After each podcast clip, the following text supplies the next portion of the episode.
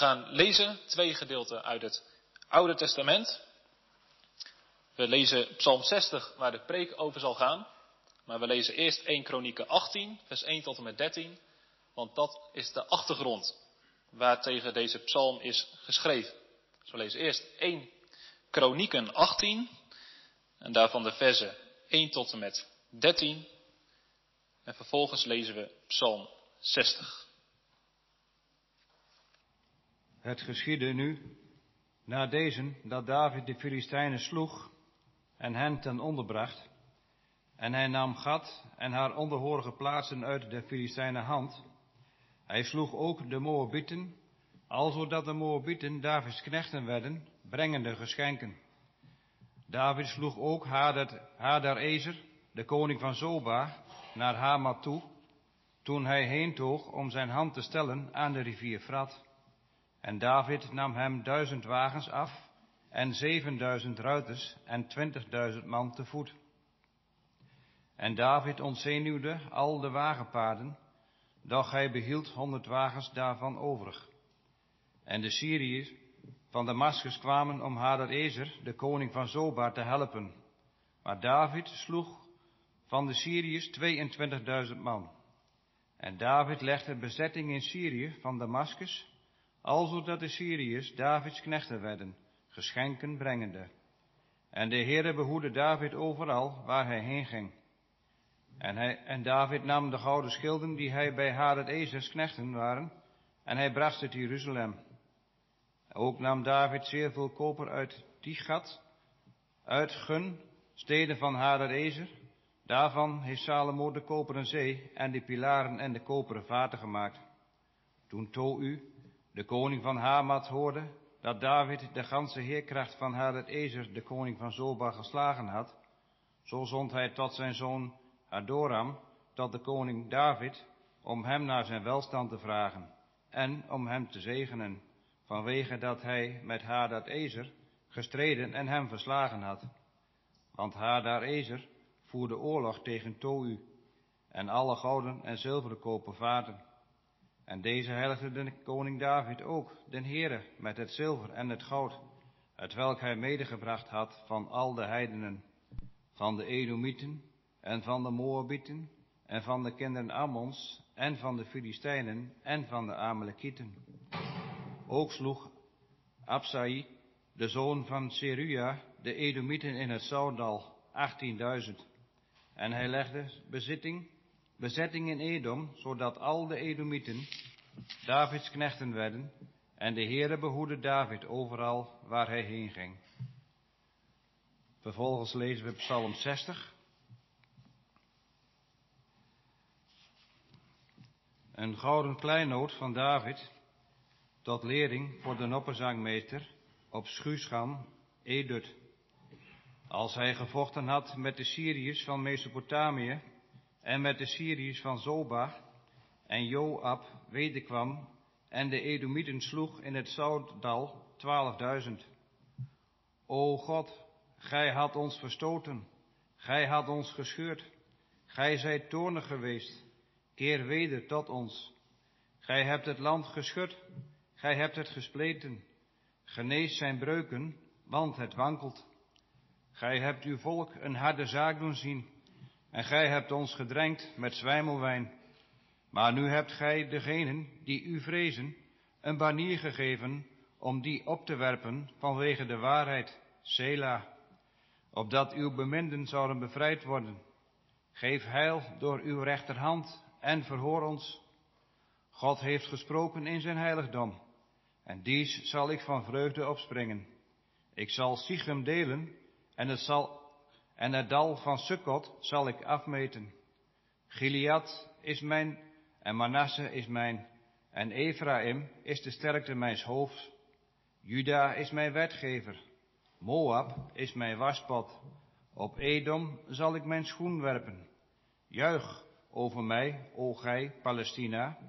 Wie zal mij voeren in een vaste stad? Wie zal mij leiden tot in Edom? Zult gij het niet zijn, o God, die ons verstoten had en niet uittoogt? O God, met onze heerkrachten, geef gij ons hulp uit de benauwdheid, want des mensen heil is ijdelheid. In God zullen wij kloeke daden doen, en Hij zal onze wederpartijders vertreden. Tot zover de schriftlezing.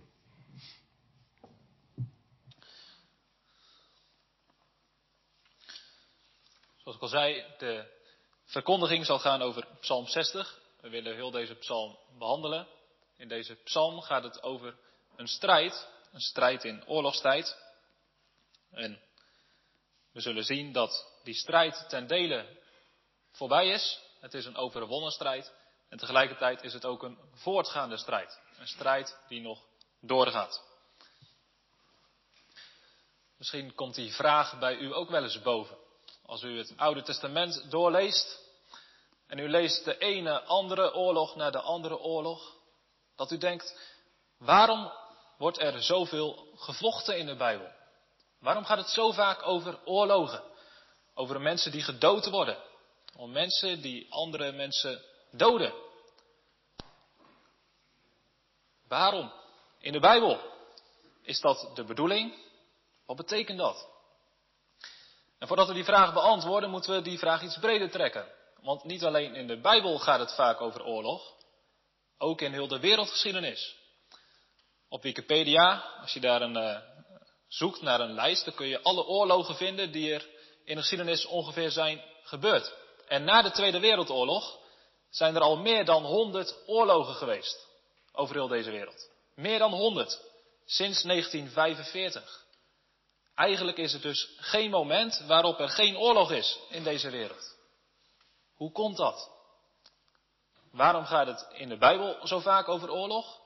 En waarom bewijst de geschiedenis dat mensen blijkbaar een neiging hebben om altijd met elkaar te vechten?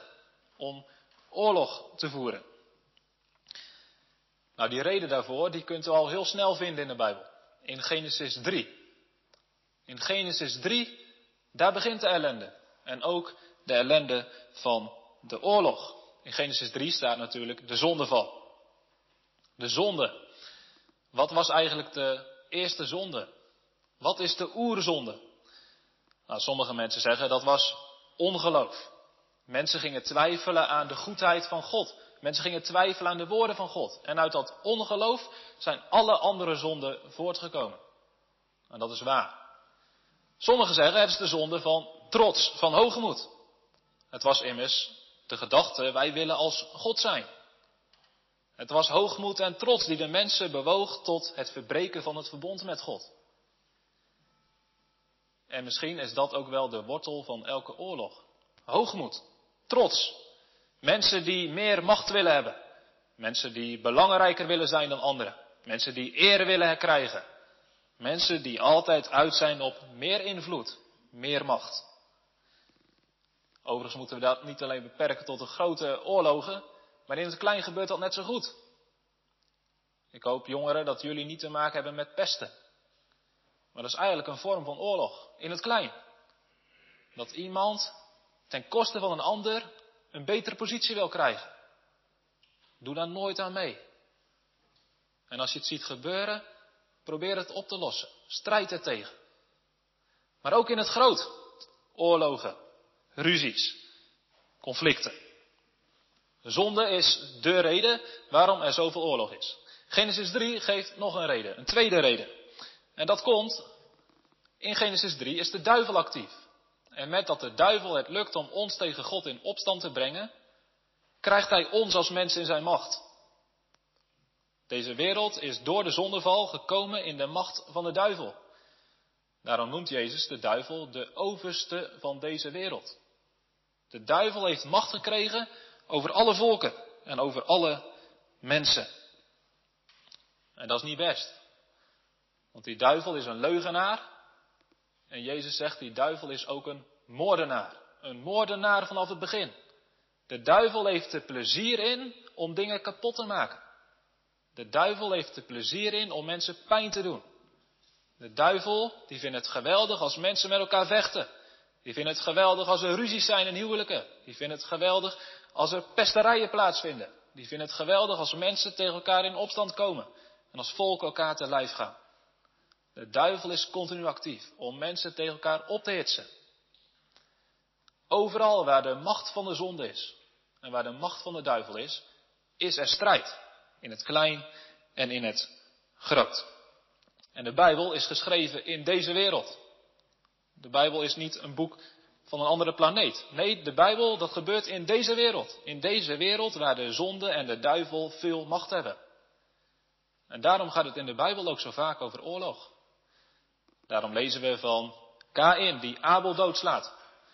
Daarom lezen we van Esau en Jacob die elkaar in de haren vliegen. En elkaar naar het leven staan. Daarom lezen we van Saul die David achtervolgt. Daarom lezen we van heel veel koninkrijken die tegen andere koninkrijken opstaan. En met elkaar oorlog voeren. Nou, hier is weinig goeds over te zeggen natuurlijk. Als je de oorlogen en de ruzie ziet in dit licht, dan is daar niks goeds over te zeggen. Het is een kwaad. Het is een kwaad wat overwonnen moet worden. De macht van de duivel, de macht van de zonde moeten verslagen worden. En dan komen we bij de derde reden. De derde reden die ook in Genesis 3 staat, waarom het in de Bijbel zo vaak over oorlog gaat. In de Bijbel, Genesis 3 vers 15, lezen we namelijk dat er een strijd wordt begonnen door God zelf. God verklaart aan de duivel de oorlog. Een heilige oorlog, een heilige strijd. Genesis 3 vers 15. Misschien kent u die tekst wel uit uw hoofd. Ik zal vijandschap zetten tussen u en deze vrouw, tussen uw nageslacht en haar nageslacht. Dat zal u de kop vermorzelen en u zult het de verzenen vermorzelen. En deze tekst, die bepaalt eigenlijk alles wat er in de Bijbel gebeurt. Dit wordt een moederbelofte genoemd, alle beloften komen eruit voort. Maar eigenlijk is het een tekst wat een verklaring is van oorlog. God verklaart de oorlog aan de duivel. En heel de Bijbel door zien wij dat deze strijd uitgevoerd wordt. Dat deze strijd plaatsvindt. Vanaf Genesis tot en met het laatste boek. Bijna tot het laatste hoofdstuk openbaring. En daarom moeten wij, als het in de Bijbel gaat over oorlog, over strijd, moeten we dit altijd in ons achterhoofd hebben. Heeft dit misschien te maken met die strijd tussen God en de duivel? Heeft dit te maken met de strijd tussen het ongeloof en het geloof? Heeft dit te maken met het nageslacht van Jezus Christus, de gelovige, en het nageslacht van de duivel? Er is een strijd tussen het koninkrijk van God en het koninkrijk van de duivel. Nou, en vanaf, vanuit die informatie, vanuit die achtergrond gaan we kijken naar Psalm 60. Psalm 60 is een psalm dat geschreven is in oorlogstijd. We zien dat heel duidelijk in vers 2. Het is geschreven toen hij gevochten had met de Syriërs. En toen Joab terugkwam en de Edomieten had verslagen in het Zoudal. Dus deze psalm is geschreven tegen de achtergrond van oorlog. En wij weten heel precies door deze tekst wat die achtergrond is. Dat hebben we gelezen in 1 Kronieken 18. Je kunt die verwijzingen waarschijnlijk wel bijzien. Er staat ook een verwijzing naar 2 Samuel 8. Dat zijn identieke hoofdstukken. Daar staat precies hetzelfde. In die hoofdstukken staat beschreven dat David vecht tegen verschillende volken. Nou, misschien uh, haakt u al snel af bij al die namen die je hoorde. Maar als je nagaat welke volken daar allemaal worden genoemd, dan valt er iets op. Het begint in vers 1 van 1 Kronieken 18 met de Filistijnen. De Filistijnen wonen in het westen van Israël, tegen de kust aan. Waar nu zo'n beetje de Gazastrook is. David vocht tegen de Filistijnen. In vers 2 gaat het over de oorlog van David met Moab. Moab ligt aan de andere kant van Israël, in het oosten. Dan vers 3 tot en met 11, dan wordt er geschreven over de strijd met Syriërs in het noorden. En dan uit vers 11 blijkt dat David ook nog moest vechten tegen de Amalekieten. Die kwamen uit het zuiden. En als laatste wordt in vers 12 en 13 gesproken over de Edomieten. En die wonen in het zuidoosten. Dus als je dit voor je ziet op de landkaart, dan zie je dat Israël letterlijk van alle kanten omringd werd door vijanden. Filistijnen in het westen, Syriërs in het noorden, Moabieten in het oosten, Amalekieten en Edomieten in het zuiden. Van alle kanten was Israël omringd door vijanden. Vijanden die maar één doel hadden. Israël van de kaart vegen. Afrekenen met dat kleine, irritante volkje. Moet je je voorstellen. Of je nou naar het westen kijkt of naar het oosten. Overal is die dreiging. Overal zijn er mensen die klaarstaan om jou uit te roeien als volk. Daar word je benauwd van, toch? Die situatie heeft onlangs, en misschien is het eigenlijk nog steeds een situatie. Maar toen Israël terugkwam natuurlijk in het beloofde land in 1948, zaten ze in precies dezelfde situatie. Van alle kanten werden ze omringd door vijanden. Allemaal volken, of nou Palestijnen of Egyptenaren of Arabieren waren, die één doel hadden. Verdrijf dit volk de zee in. Dit volk mag niet bestaan. Nou, zo'n situatie kwam David in terecht toen hij koning werd. Hij volgde koning Saul op. En koning Saul die begon zo veelbelovend. Maar jullie weten vast ook wel, kinderen, dat Saul veel fouten maakt. Dat hij niet luisterde naar de heren. En dat de heren toen zei tegen Saul, je bent zo'n slechte koning, je luistert zo slecht naar mij, ik ga een eind maken aan jouw koningschap. En ik ga een nieuwe koning geven. De geest van de heren week van Saul. Saul moest het doen zonder de hulp van God. Nou, dat is dramatisch. Als God jou loslaat, als God je overlevert aan jezelf, dan ben je hopeloos. Het volk Israël werd hopeloos. Vijanden vielen van alle kanten land binnen. Binnen het land kwam er allemaal oneenigheid. Mensen gingen met elkaar strijden. Oogsten werden geplunderd. Het volk was er ellendig aan toe.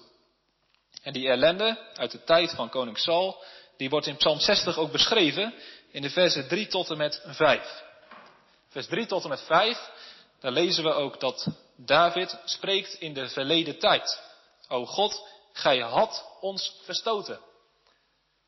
Dus David, die deze psalm schrijft, die kijkt terug in het verleden naar een moment dat het volk er ellendig aan toe was. En dat was de tijd van de regering van koning Saul. Laten we die versen nog eens lezen. Psalm 60, vers 3 tot en met 5. O God, u had ons verstoten. U had ons gescheurd. U bent toornig geweest. Keer weder tot ons. Gij hebt het land geschud, gij hebt het gespleten. Genees zijn breuken, want het wankelt. Gij hebt uw volk een harde zaak doen zien. Gij hebt ons gedrenkt met zwijmelwijn. Het eerste wat overigens mij opvalt, en misschien ook u, is dat hij niet zegt, dit heeft Saul gedaan. Saul heeft ons een harde zaak doen zien. Saul heeft dit land naar de verwoesting geholpen. Nee, hij zegt dat God het heeft gedaan. God, u hebt het land gespleten. U hebt het volk een harde zaak doen zien. David die ziet achter al die ellende, die er eigenlijk was dankzij de regering van Saul, de hand van God. Het oordeel van God. De toren van God. Nou, dat moeten wij ook doen, zien. Achter alle ellende in deze wereld zit de toren van God tegen de zonde. Nou, en dan gebruikt hij een paar beelden om duidelijk te maken wat die ellende was. Twee beelden gebruikt hij. Het eerste is een beeld van een aardbeving. U hebt het land geschud. U hebt het gespleten. Dat is een beeld van een aardbeving. Nou, elk jaar zijn er wel aardbevingen in deze wereld. En op het nieuws zie je dan filmpjes en foto's. Nou, hoe ziet dat eruit? Als er ergens een aardbeving is geweest. Eén grote bende. Eén grote troep. Allemaal gebouwen die ingestort zijn. Mensen die in paniek gillen en wegrennen. Zo'n tijd was er. Een tijd van verwarring. Een tijd van verwoesting. Dat is het eerste beeld. Het tweede beeld wat hij gebruikt in vers 5. U heeft ons gedrenkt met zwijmelwijn. Nou, wat is zwijmelwijn? Wijn, dat weten jullie. En dat was iets ingedaan wat het nog sterker maakte. En als je te veel wijn drinkt, wat gebeurt er dan? Dan kun je op een gegeven moment niet meer helder nadenken. Verwarring, verbijstering. Niemand wist meer wat ze moesten doen. Dat was de situatie van het land toen Saul koning was. En toen kwam David. En David die moest dat op gaan lossen. Die moest het volk gaan verlossen. Maar eerst nog even naar vandaag de dag. Dit was de situatie in de tijd van koning Saul.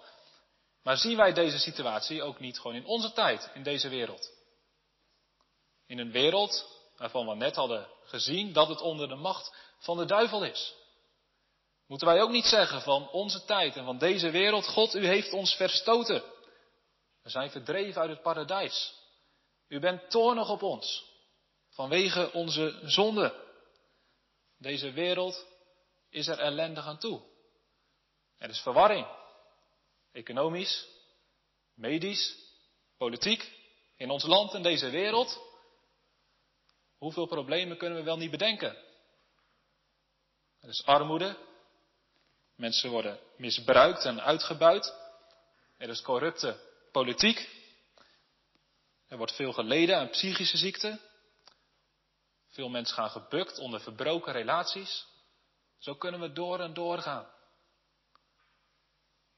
Zonder God is het leven één grote ellende. We kunnen het misschien ook toepassen op de kerk. Ook de kerk heeft te maken met de strijd tussen God en de duivel. En er zijn momenten in de kerk dat het slecht gaat. Dat de kerk krachtig wordt aangevallen en dat het lijkt dat de duivel wint. De kerk wordt aangevallen door dwalingen, door mensen die van alles bedenken en roepen wat helemaal niet bijbels is. En dat doen we met zo'n kracht en met zoveel enthousiasme dat mensen dat geloven.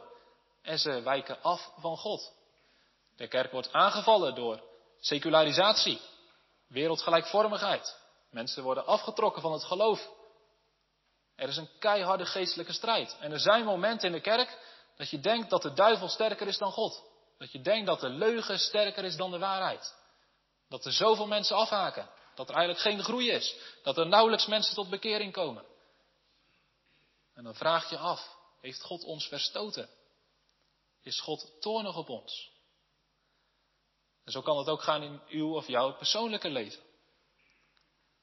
Er wordt gevochten om uw ziel. Er is een geestelijke strijd bezig voor iedereen. De duivel probeert ons in zijn macht te houden of opnieuw te krijgen. De zonde probeert zich steeds van ons meester te maken. En als er gestreden wordt voor uw behoud, dan zijn er tegenkrachten. En misschien heeft u dat wel eens, dat u denkt, waar is mijn geloof? Waar is mijn vuur? Waar is mijn liefde voor God? Het lijkt wel dat de zonde te sterk is in mijn leven. Tijden zijn er. In de wereld, in de kerk en in het persoonlijk leven. Dat deze klacht van Psalm 30 heel toepasselijk is. En dat we het gebed kunnen meebidden. Keer terug tot ons. Genees ons. En wat is het dan mooi? Dat we dat kunnen zeggen in de verleden tijd. Psalm 60 heeft het over een tijd die voorbij is. Gelukkig, er is een eind gekomen aan dat koninkrijk van Saul. David is koning geworden. God is teruggekeerd. God heeft zijn vriendelijk aangezicht doen lichten. Hij is te hulp gekomen. Hij heeft redding, genade en liefde gegeven.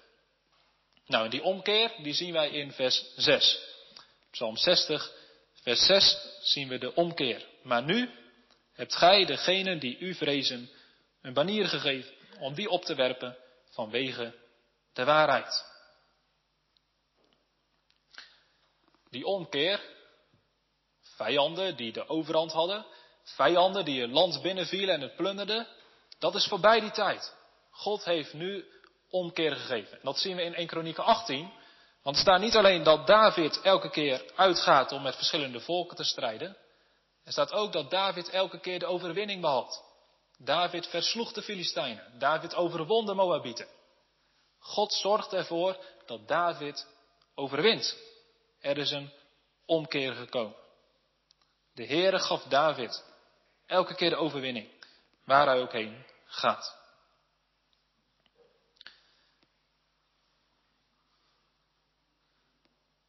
Er staat in vers 6, u hebt degene die u vrezen een banier gegeven. Weet niet of de kinderen ook weten wat een banier is. Een banier is een soort vlag, een vaandel. Als er nu legers uittrekken om te strijden, dan uh, hebben ze geen vlaggen meer nodig. Maar vroeger ging het vechten natuurlijk volledig vanaf de grond, zonder vliegtuigen. Met paarden, te voet. En om zo'n leger samen te binden, om dat leger richting te geven, waren de vaandeldragers nodig. Ergens in het leger was er iemand die hield een banier omhoog. En als de soldaten die banieren zagen, dan wisten ze, daar moeten wij heen. Die kant moeten wij op. Die banier die hield het volk van soldaten bij elkaar. En zolang die vlag in de lucht zat, wist de soldaten, we zijn aan het winnen. We hebben hoop dat wij de vijanden kunnen verslaan. En nu staat er dat God het volk een banier heeft gegeven. Dat is niet letterlijk. God heeft niet letterlijk aan het volk een vaandel gegeven. Maar God heeft iets of iemand gegeven wat het volk weer samenbindt. Wat het volk weer moed geeft. Wat het volk weer hoop geeft op de overwinning. Nou, en wie is die banier? Welke banier heeft God gegeven? Waarschijnlijk moeten we denken aan David. Het feit dat David koning werd. Daarin liet God zien dat hij het volk weer goedgezind was. Dat hij het volk wilde bevrijden. Dat hij het volk wilde verlossen. Dat hij het volk overwinning wilde geven. Toen David koning was, werd het volk weer eensgezind. Het volk kreeg weer moed. God was met hem. En dan staat er de laatste regel van het vers, vanwege de waarheid. God heeft een manier gegeven, God heeft David koning gemaakt vanwege de waarheid. Waarschijnlijk moeten we daarbij denken aan de trouw van God aan zijn belofte. Dat God waarachtig is, dat God zich houdt aan de waarheid.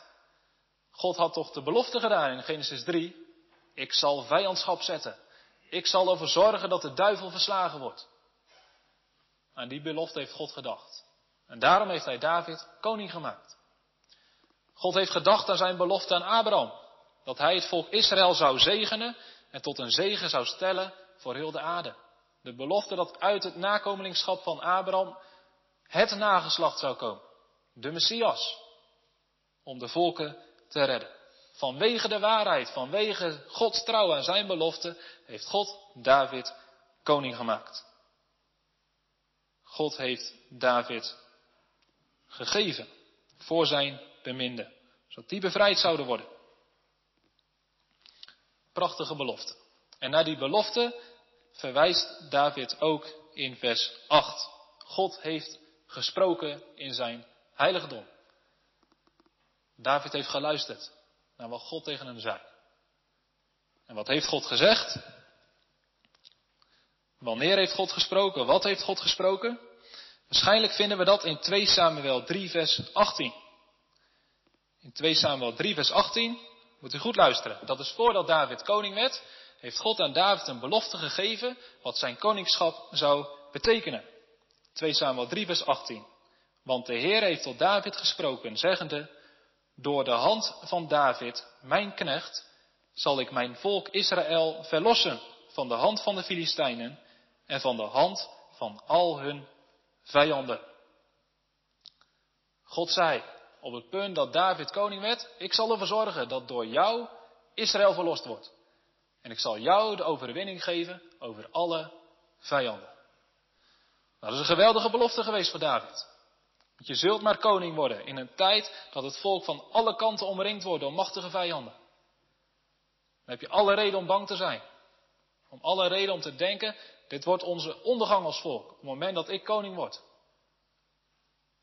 Maar God zegt tegen David, ik zal ervoor zorgen dat je de overwinning behaalt. En wat heeft David toen gedaan? Dies, daarom zal ik van vreugde opspringen. Het is zo mooi. David heeft geluisterd naar de woorden van God, de belofte. En David zegt, ik zal van vreugde opspringen. Ook al zie ik overal nog vijanden. Ik weet dat God de overwinning heeft beloofd. Ik spring van vreugde op. David laat zich niet leiden door angst. David is niet bang. David is blij.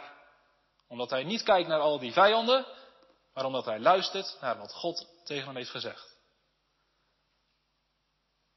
Herkent u dat? Dat u de belofte van God heeft gelezen. En dat u van vreugde opspringt. Als God belooft dat Hij al uw zonden wil vergeven, dan kunt u opspringen van vreugde. Als God het eeuwige leven belooft, dan kunt u opspringen van vreugde.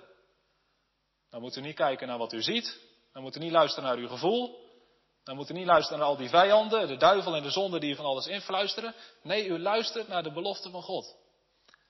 En er staat dat alle beloften van God ja en amen zijn in Christus Jezus. Dus als u in Christus Jezus bent, als u vertrouwen heeft gesteld op Jezus Christus, dan zijn alle beloften van God in het woord voor u. En dan kijkt u naar de omstandigheden en dan denkt u het kan niet. Of dan kijkt u naar uw eigen hart en leven, dan denkt u hoe kan het? Maar u klampt zich vast aan het woord van God. God heeft belofte gedaan.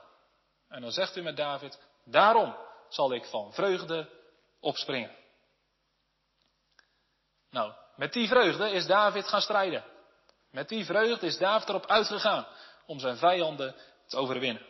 En het is hem gelukt. Nou, beter gezegd, God heeft hem de overwinning inderdaad gegeven. En dan noemt hij vanaf vers 8 tot en met 10 allemaal landen, allemaal gebieden die hij heeft veroverd, of waarvan hij weet, die ga ik nog veroveren. David noemt in vers 8 en 9 gebieden binnen Israël. Ik zal Sichem delen, het dal van Sukkot zal ik afmeten, Gilead is mijne, Manasse is mijne, en Ephraim is de sterkte van mijn hoofd, Juda is mijn wetgever. Dit zijn alle gebieden binnen Israël. Maar toen David koning was, werd hij eerst alleen koning van Juda. Over de andere gebieden regeerde nog een zoon van koning Saul of waren er nog vijanden. Maar David zegt, de Heer heeft beloofd dat dit allemaal mijn eigendom zal zijn. Over al deze gebieden mag ik als koning heersen. En dat geldt niet alleen voor Israël. In vers 10 worden ook de omliggende volken genoemd. Volken die we hebben gezien in 1 Kronieken 18. Moab is mijn waspot. Op Edom zal ik mijn schoen werpen. Juich over mij, o gij Palestina, ofwel de Filistijn. Dus David weet, die vijanden die mij nu omringen, die zal ik ook verslaan. En van Moab zegt hij, het zal mijn waspot zijn.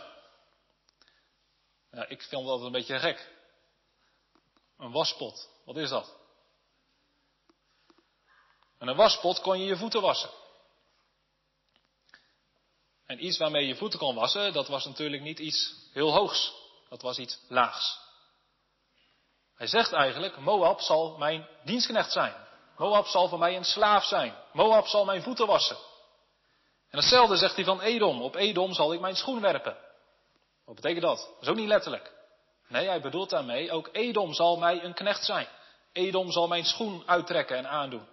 Edom zal mijn schoenen poetsen, bij wijze van spreken. Dus hij zegt, die vijanden die ons nu omringen als volk, die gaan wij verslaan.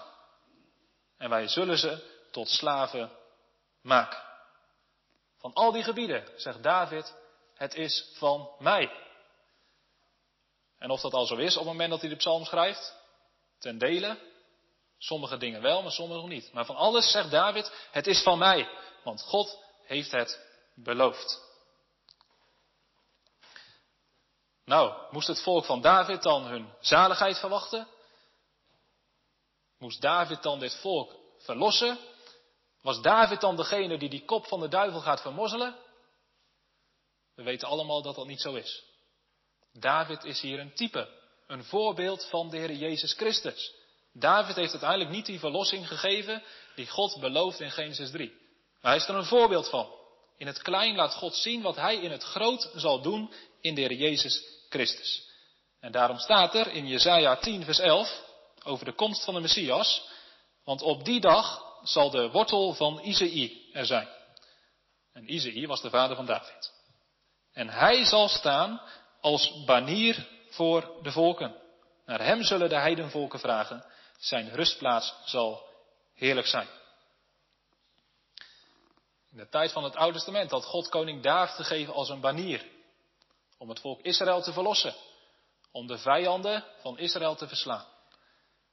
En nu staat hier dat God op een zeker moment uit het nakomelingschap van David de banier zal geven. Er zal iemand komen. En die zal niet alleen Israël verlossen, die zal ook alle heidenen verlossen. Die zal geen politieke vijanden verslaan, maar die zal geestelijke vijanden verslaan. En als Jezus in Nazareth komt, dat is ongeveer hetzelfde misschien als ik in Elspet kom, dat was zijn thuisplek, allemaal bekende mensen, en dan ging Jezus ging de boekrollen openen. En hij opende de boekrol bij Jezaja 10. En dan las Jezus, de geest van de Heer is op mij. En toen kwam hij bij deze verse. Er zal een manier komen. Een manier voor alle volken. Naar hem zullen de heidevolken vragen en zijn rustplaats zal heerlijk zijn. En toen heeft Jezus de boekrollen dicht gedaan en dan ging hij zitten en toen zei hij, heden, op dit moment, worden deze woorden in uw oren vervuld. Jezus is gekomen als de banier. Om te strijden. Te strijden tegen de duivel. En dat zien we het hele leven van Jezus door. Direct nadat Jezus gedoopt werd en de woestijn in werd geleid, ging Jezus de confrontatie aan met de duivel. Daar begon de strijd. Maar Jezus de duivel moest verslaan. Aan het eind van het leven zien we duidelijk dat de duivel in Judas vaart en ervoor zorgt dat Jezus wordt verraden, wordt overgeleverd en gekruisigd. Het hele leven van Jezus is een strijd tegen de duivel. Een strijd tegen zijn macht. Dat is belangrijk. Als wij nadenken over Jezus als redder, als zaligmaker, dan leggen wij heel snel de nadruk op dat Hij gekomen is om ons van onze zonde te verlossen. Om te sterven voor de straf die wij verdienen. Jezus heeft in onze plaats de wet vervuld. Hij heeft in onze plaats de straf die wij verdienden gedragen. En dat is heel belangrijk en dat is helemaal waar. Maar het verlossingswerk van Jezus is veel groter en veel breder. Want Jezus is ook gekomen om tegen de duivel te strijden. Om de duivel te verslaan. Om zijn macht over ons te kunnen verbreken. En dat heeft Jezus ook gedaan aan het kruis. Er staat in Colossense 2 dat Jezus aan het kruis de machten, de overheden, het zijn de demonen en de duivel, heeft ontwapend. Hij heeft die openlijk te schande gemaakt. En daardoor over hen getriomfeerd. Nou, Paulus zegt, ik wil niks anders weten, ik wil nergens anders over hebben. Ik wil één ding verkondigen, dat is Jezus Christus en Hem gekruisigd. Want het kruis van Jezus Christus, dat is de wijsheid en de kracht van God om mensen te redden. Om ons te bevrijden van de zonde. Om onze zonde te kunnen vergeven. Maar ook om ons te verlossen uit de macht van de duivel. Daar op Golgotha heeft de grootste oorlog plaatsgevonden die er ooit is gebeurd in de geschiedenis. De grootste oorlog is niet de Tweede Wereldoorlog. De grootste oorlog die er ooit is gestreden vond plaats op Golgotha. Daar werd er gestreden tussen hemelse legermachten en helse legermachten. Tussen Jezus en de duivel. En Jezus is overwinnaar. En zoals David kon zeggen van al die plaatsen in Israël, het is van mij, het is van mij, zo kan Jezus zeggen.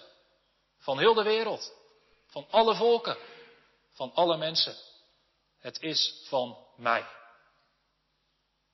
U bent van Jezus. Hij heeft recht op u. Alles is van Jezus.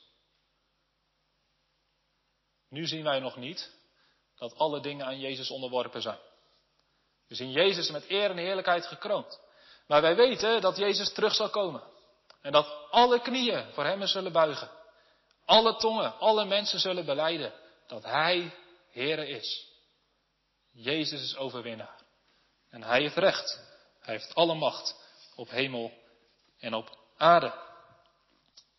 Wat betekent dat voor ons?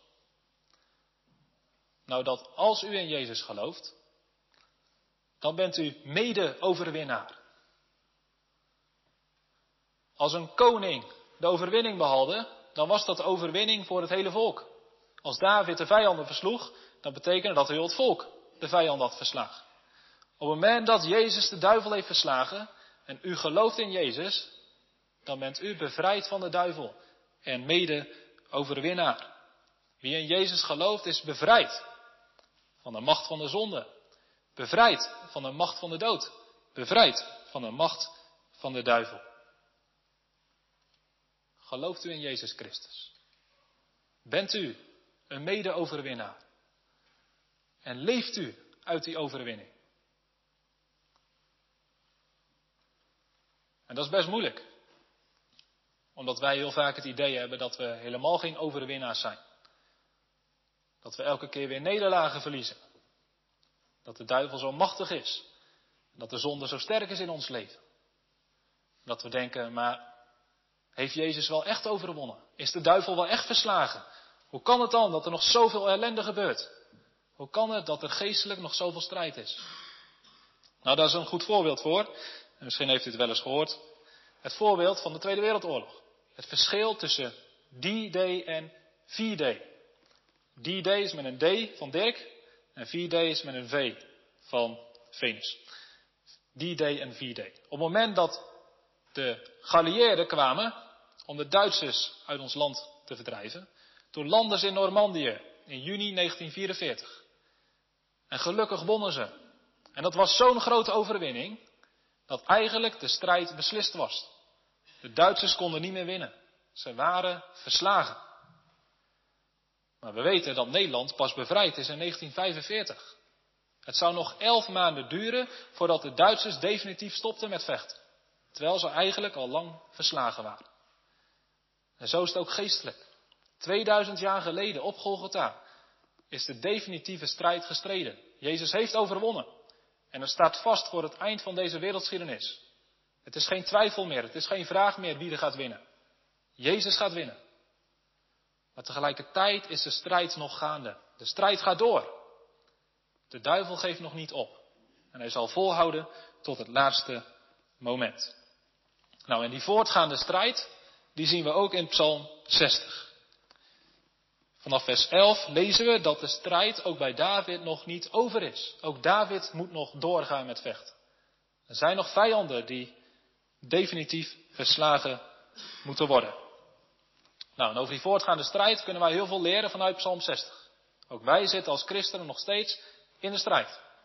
En de eerste vraag is, weten we dat? Beseffen we dit? Of slapen we? Hebben we door als christenen in Nederland, als kerk, dat we keihard worden aangevallen? Op heel veel fronten. De duivel is volop actief om mensen aan het twijfelen te brengen. Om mensen af te trekken van het geloof. Om christenen zwak te maken. Beseffen we dit? Dat is één. En als we dit beseffen, als we dus willen vechten, hoe moeten we dan strijden? Nou, die vraag beantwoordt Psalm 60. Vers 11, die vraagt dat. Wie zal mij voeren in een vaste stad? Wie zal mij leiden tot in Edom? Edom was een land binnengevallen. Gelukkig waren ze verslagen door Joab, maar het was nog steeds een bedreiging. En David zegt, als we die Edomieten willen verslaan, hoe gaan we dat doen? Wie kan ons de overwinning garanderen? Wie kan ervoor zorgen dat wij in die strijd zullen triomferen? En dan geeft Verstralen het antwoord. Zult gij het niet zijn, o God, die ons verstoten had en niet uitoogt, o God, met onze Heerkracht? Dezelfde God die in de tijd van Saul met zijn toren en oordelen was gekomen over het land. Diezelfde God was de enige die het volk de overwinning kan geven. Want, zegt vers 13, u moet ons hulp geven uit de benauwdheid, want het hel van mensen is ijdelheid. Hulp van mens te verwachten is nutteloos. Er is geen mens die in deze geestelijke strijd de overwinning kan garanderen. Het daarvan te wachten is dom, is zinloos. We moeten het alleen van God verwachten. Ik hoop dat u dit ook in uw eigen leven heeft geleerd. Dat hel, dat zaligheid, redding van uzelf te verwachten of van een andere mens is hopeloos, zinloos. U gaat uzelf niet kunnen redden. De kerkraad gaat u niet kunnen redden. Naar welk mens u ook kijkt. Er is niemand die u kan verlossen van de eeuwige toorn van God. Niemand. En als u dat beseft, dan weet u dat u bij iemand anders moet zijn. Bij Jezus Christus. Bij God. Want Hij kan het wel. Maar dat geldt niet alleen voor het gered worden. Op het moment dat je tot geloof komt, dan moet je leren, ik word niet gered door mijn eigen werken. Ik word niet gered door zelf mijn best te doen. Nee, ik word volledig gered uit genade. Door alles wat de Heer Jezus voor mij wilde doen. Maar als je gered bent en je moet leren leven als gelovige, dan blijft hetzelfde. Ook in het geestelijk leven is er van onszelf niks te verwachten. We zijn niet in staat om in eigen kracht de zonde te doden. We zijn niet in staat in eigen kracht tot eer van God te leven. We zijn niet in staat om in eigen kracht andere mensen voor de Heer Jezus in te winnen. Misschien heeft het wel eens geprobeerd. Iemand te overtuigen. Iemand te brengen tot geloof. Dat kunt u niet. U kunt iemand niet overtuigen. U kunt iemand niet de ogen openen. We moeten het van God alleen verwachten. Ook in de kerk. We hebben de neiging ook in de kerk om het te verwachten van een dominee. Het te verwachten van de kerkraad. Het verwachten van een vorm, een methode, een zanggroep, weet ik het allemaal niet. Maar niks kan de kerk redden dan alleen God. We moeten in de strijd volledig afhankelijk zijn en ons weten van God. Misschien moet ik nog een voorbeeld noemen. Hier zijn ongetwijfeld ook jongeren die afhaken. We voelen ons machteloos. Hoe kunnen we hen erbij houden? Hoe kunnen we hun onverschilligheid doorbreken? Hoe kunnen we hen laten merken dat God werkelijkheid is? We staan machteloos. Nou, dan kun je zeggen, we gaan een andere liturgie doen. We gaan een bandje organiseren en we gaan leuk maken in de kerk en dan willen ze vastkomen. Dat is dom, dat gaat niet werken. Daardoor worden jongeren niet bekeerd en overtuigd. Er is niks wat wij als mensen kunnen doen. De enige die kan redden is God. En als we dat weten, dan gaan we bidden. Want bidden is een uiting van vertrouwen. Door te bidden zeggen we, God, wij kunnen niks. Maar u kan alles. Wilt u redding geven? En dan mogen we echt veel vertrouwen hebben. Want David, die streed vanuit de belofte. Weet u nog? God heeft gesproken in zijn heiligdom. God had gezegd, David, in jou, door jouw regering zal Israël verlost worden en de vijanden verslagen worden. En nu heeft God aan ons als gelovigen, die strijden, ook een geweldige belofte gegeven. En met die belofte begon ik deze dienst, Romeinen 16. De God van de vrede zal de Satan spoedig onder uw voeten verpletteren. daarin hoort u weer diezelfde thema, hetzelfde idee van Genesis 3. De strijd tussen God en de duivel. En we weten dat Jezus op Golgotha de duivel heeft verslagen. Maar we weten ook dat de duivel nog niet opgeeft en dat de strijd nog doorgaat. En nu zegt God tegen gelovigen in Rome en tegen gelovigen in Elspet, strijd die goede strijd. Vanuit deze belofte. De Satan zal spoedig onder uw voeten verpletterd worden. Dus als u slappe handen hebt, versterk ze.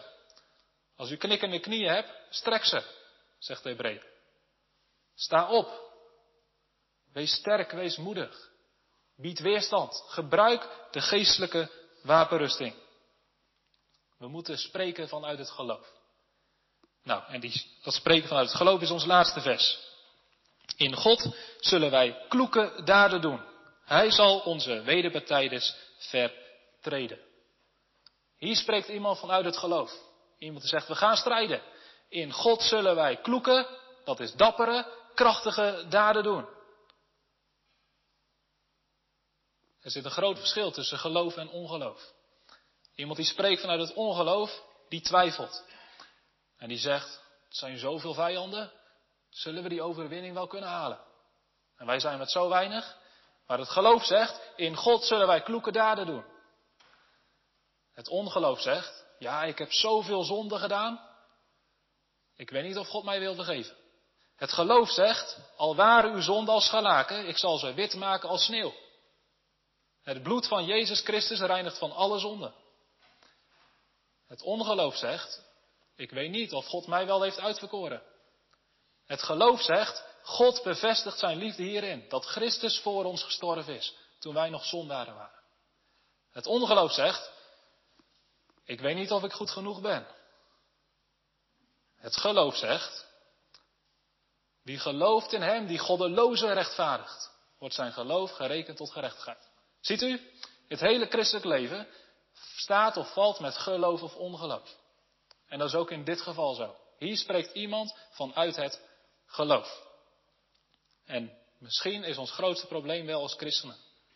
Dat we ons laten leiden door onze redenaties, door onze gevoelens, in plaats van door het woord van God. Dat we ruimte geven aan ongeloof, in plaats dat we gebruik maken van de belofte van God door geloof. Ik wil afronden met een verhaaltje. En dat bent u gewend van uw dominee.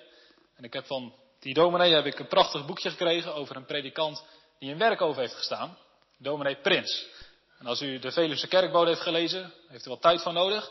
Maar dan kunt u heel wat vinden over die plaats. En ook wat daar onder andere heeft plaatsgevonden. Dominee Prins, die stond in werk over aan het eind van de 19e eeuw. En hij heeft daar een boekje over geschreven van bepaalde dingen die hij heeft meegemaakt. En een van die voorbeelden, die maakt duidelijk ook wat de kracht is van het geloof. Er was een man, die had een zoon die reisde naar Indië. En die zoon die deed dat met één doel. Hij wilde rijk worden, hij wilde veel geld verdienen. Zodat hij weer terugkwam, dat zijn ouders en zijn gezin goed konden leven. Na een paar jaar kwam hij terug. En het was hem gelukt. Hij had mogen dienen bij mensen die vermogend waren. Hij had veel geld binnengehaald. Ja, hij was binnen, om het zo te zeggen. Hij hoefde niet meer te werken. Nou, alle dorpsgenoten die waren een beetje jaloers natuurlijk. Met veel over gesproken. Maar toen gebeurde iets verschrikkelijks. Want die zoon had zijn geld toevertrouwd aan een zakenman. Maar die zakenman die ging na een paar weken failliet. En dat betekende dat in één klap al dat met moeite verdiende geld weg was. Grote verslagenheid, verbijstering.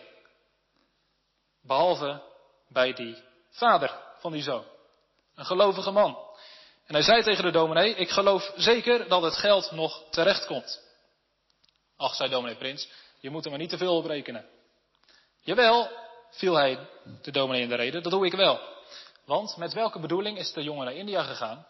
Toch om geld te verdienen. En zal onze hemelse vader, zal hij niet op een of andere manier zorgen dat dat geld weer terecht komt? Ja, zei de predikant, bedenk toch dat al het goede in dit leven niet wordt beloond en al het kwade ook niet wordt gestraft. Maar, zei die man, hebben het laatst nog in de kerk gezongen. Dat mooie versje, dat begint met, nooit kan het geloof te veel verwachten. De dominee gelooft dat toch ook, anders zou hij het vast niet hebben laten zingen. En toen de dominee niks meer te zeggen. En na een paar dagen, toen kwam er een man bij hem aan de deur met een envelop. En hij zei, wilt u die brengen op het adres van die man die naar Indië is geweest? De dominee was natuurlijk super nieuwsgierig, dus de volgende dag ging hij met de envelop naar die persoon, benieuwd wat zou hierin zitten. Nou, jullie weten het al, daar zat natuurlijk precies dat geld in, wat die man was kwijtgeraakt. En die vader, die gelovige man, die was erbij. En het eerste wat hij deed, hij ging op zijn knieën. En hij bad, nooit kan het geloof te veel verwachten. Ik dank u, Hemelse Vader, dat ik dat heb mogen geloven. Zouden wij niet heel veel zegeningen missen? Omdat we twijfelen aan de goedheid van God. Twijfelen aan de macht van God. Twijfelen aan de betrouwbaarheid van God. Weet u nog wat de oerzonde was in het paradijs? Ongeloof. En er is maar één manier om de volle zegen van het evangelie te ontvangen. Er is maar één manier om als overwinnaar, als christen te leven. Dat is door te leven uit het geloof. Door te geloven dat God zijn koninkrijk zal laten komen. En dat hij de macht van de zonde en de duivel zal overwinnen. Amen.